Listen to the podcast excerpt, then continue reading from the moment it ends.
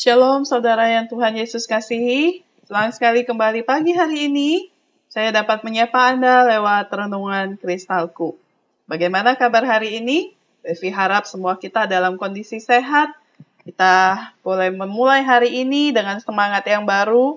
Kita awali dengan menghadap kepada Tuhan dan memohon berkat daripadanya. Mari kita datang kepadanya kita berdoa supaya Tuhan menerangi hati dan pikiran kita untuk mengerti firman-Nya yang akan kita baca dan renungkan di hari ini. Mari kita berdoa. Bapa di dalam surga, terpujilah namamu. Pagi hari ini kami bersehati datang kepada Tuhan. Kami bersyukur untuk anugerah, untuk kekuatan, kesehatan yang Tuhan anugerahkan di dalam kehidupan kami. Pagi hari ini kami rindu Tuhan, membaca dan merenungkan firman Tuhan yang boleh menuntun, memimpin di sepanjang hari dalam kegiatan yang kami akan jalani ya Tuhan.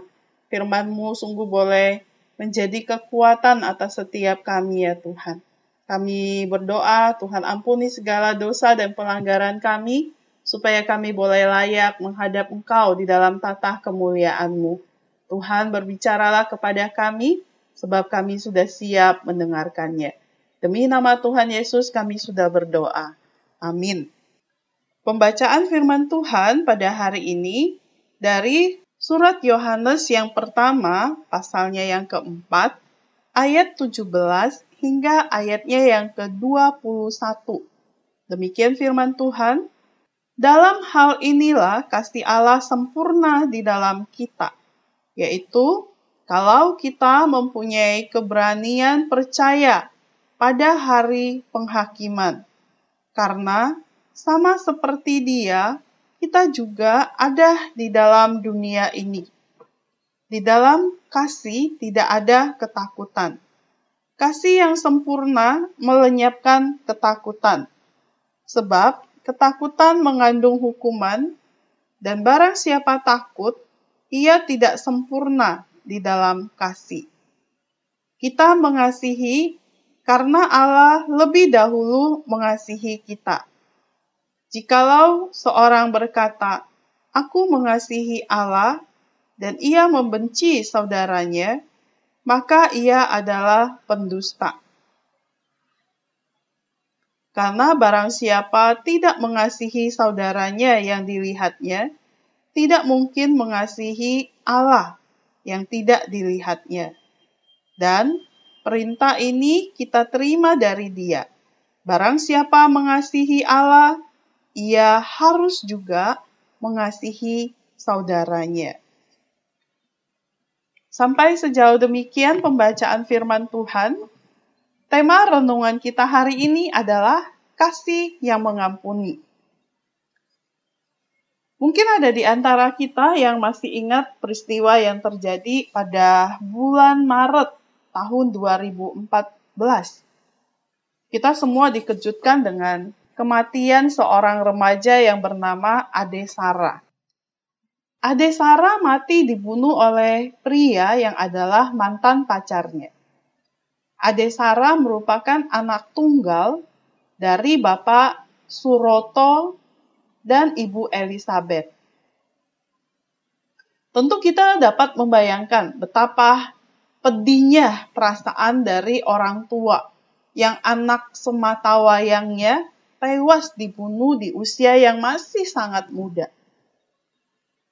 Namun yang menarik adalah bagaimana respon dari orang tua Ade Sara ketika menjalani masa-masa persidangan. Bukannya menunjukkan sikap yang membenci pelaku, mereka malah menyatakan bahwa mereka mengampuni pembunuh anak mereka.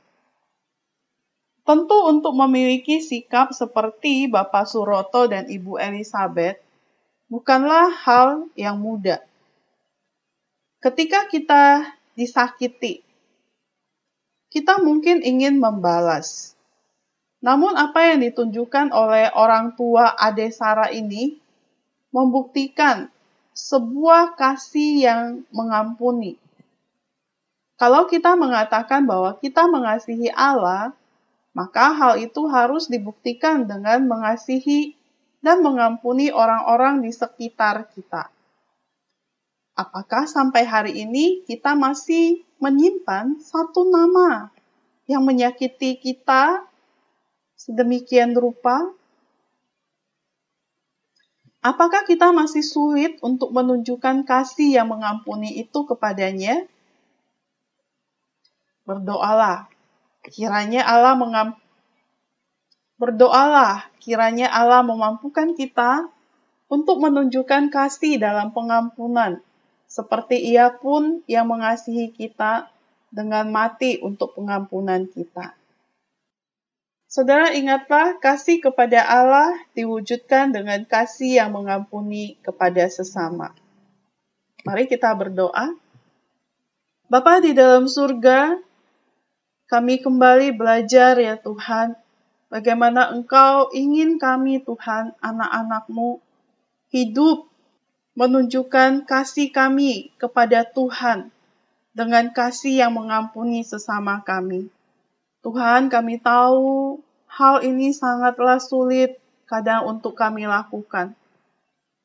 Kami berdoa kiranya Allah memampukan kami untuk dapat menunjukkan kasih dalam pengampunan seperti yang Tuhan telah lakukan, mengasihi kepada kami ya Tuhan dan mengampuni dosa-dosa kami. Terima kasih Bapa, kami bersama doakan hari ini. Tuhan, Engkau kiranya juga yang menuntun memimpin dalam kegiatan belajar mengajar. Tuhan sertai orang tua yang bekerja. Kiranya kami sekalian ya Bapa, hari ini boleh hidup di dalam perkenanan Tuhan, kami boleh menyenangkan Tuhan lewat semua yang kami kerjakan dan lakukan. Kami juga berdoa ya Tuhan untuk Bapak Ibu Kepala Bagian yang ada di SKKK Jayapura. Tuhan memberkati seluruh Bapak Ibu Guru, karyawan, Kiranya semua kami di dalam berkat dan pemeliharaan Tuhan, dalam menjalankan semua tugas tanggung jawab, boleh diberikan kelancaran oleh Tuhan, dan boleh berhasil oleh karena Engkau, dan nama Engkau saja yang dimuliakan. Kami doakan, serahkan untuk para pejabat pemerintah kami juga dalam menjalankan roda pemerintahan Kiranya hati yang takut akan Tuhan ada pada mereka, sehingga dalam penanganan setiap masalah yang ada, sungguh dilakukan dengan kesungguhan hati. Terima kasih Bapa, demi nama Tuhan Yesus kami sudah berdoa. Amin. Selamat beraktivitas di sepanjang hari ini. Bersama Yesus, aku bisa bergerak dan berubah.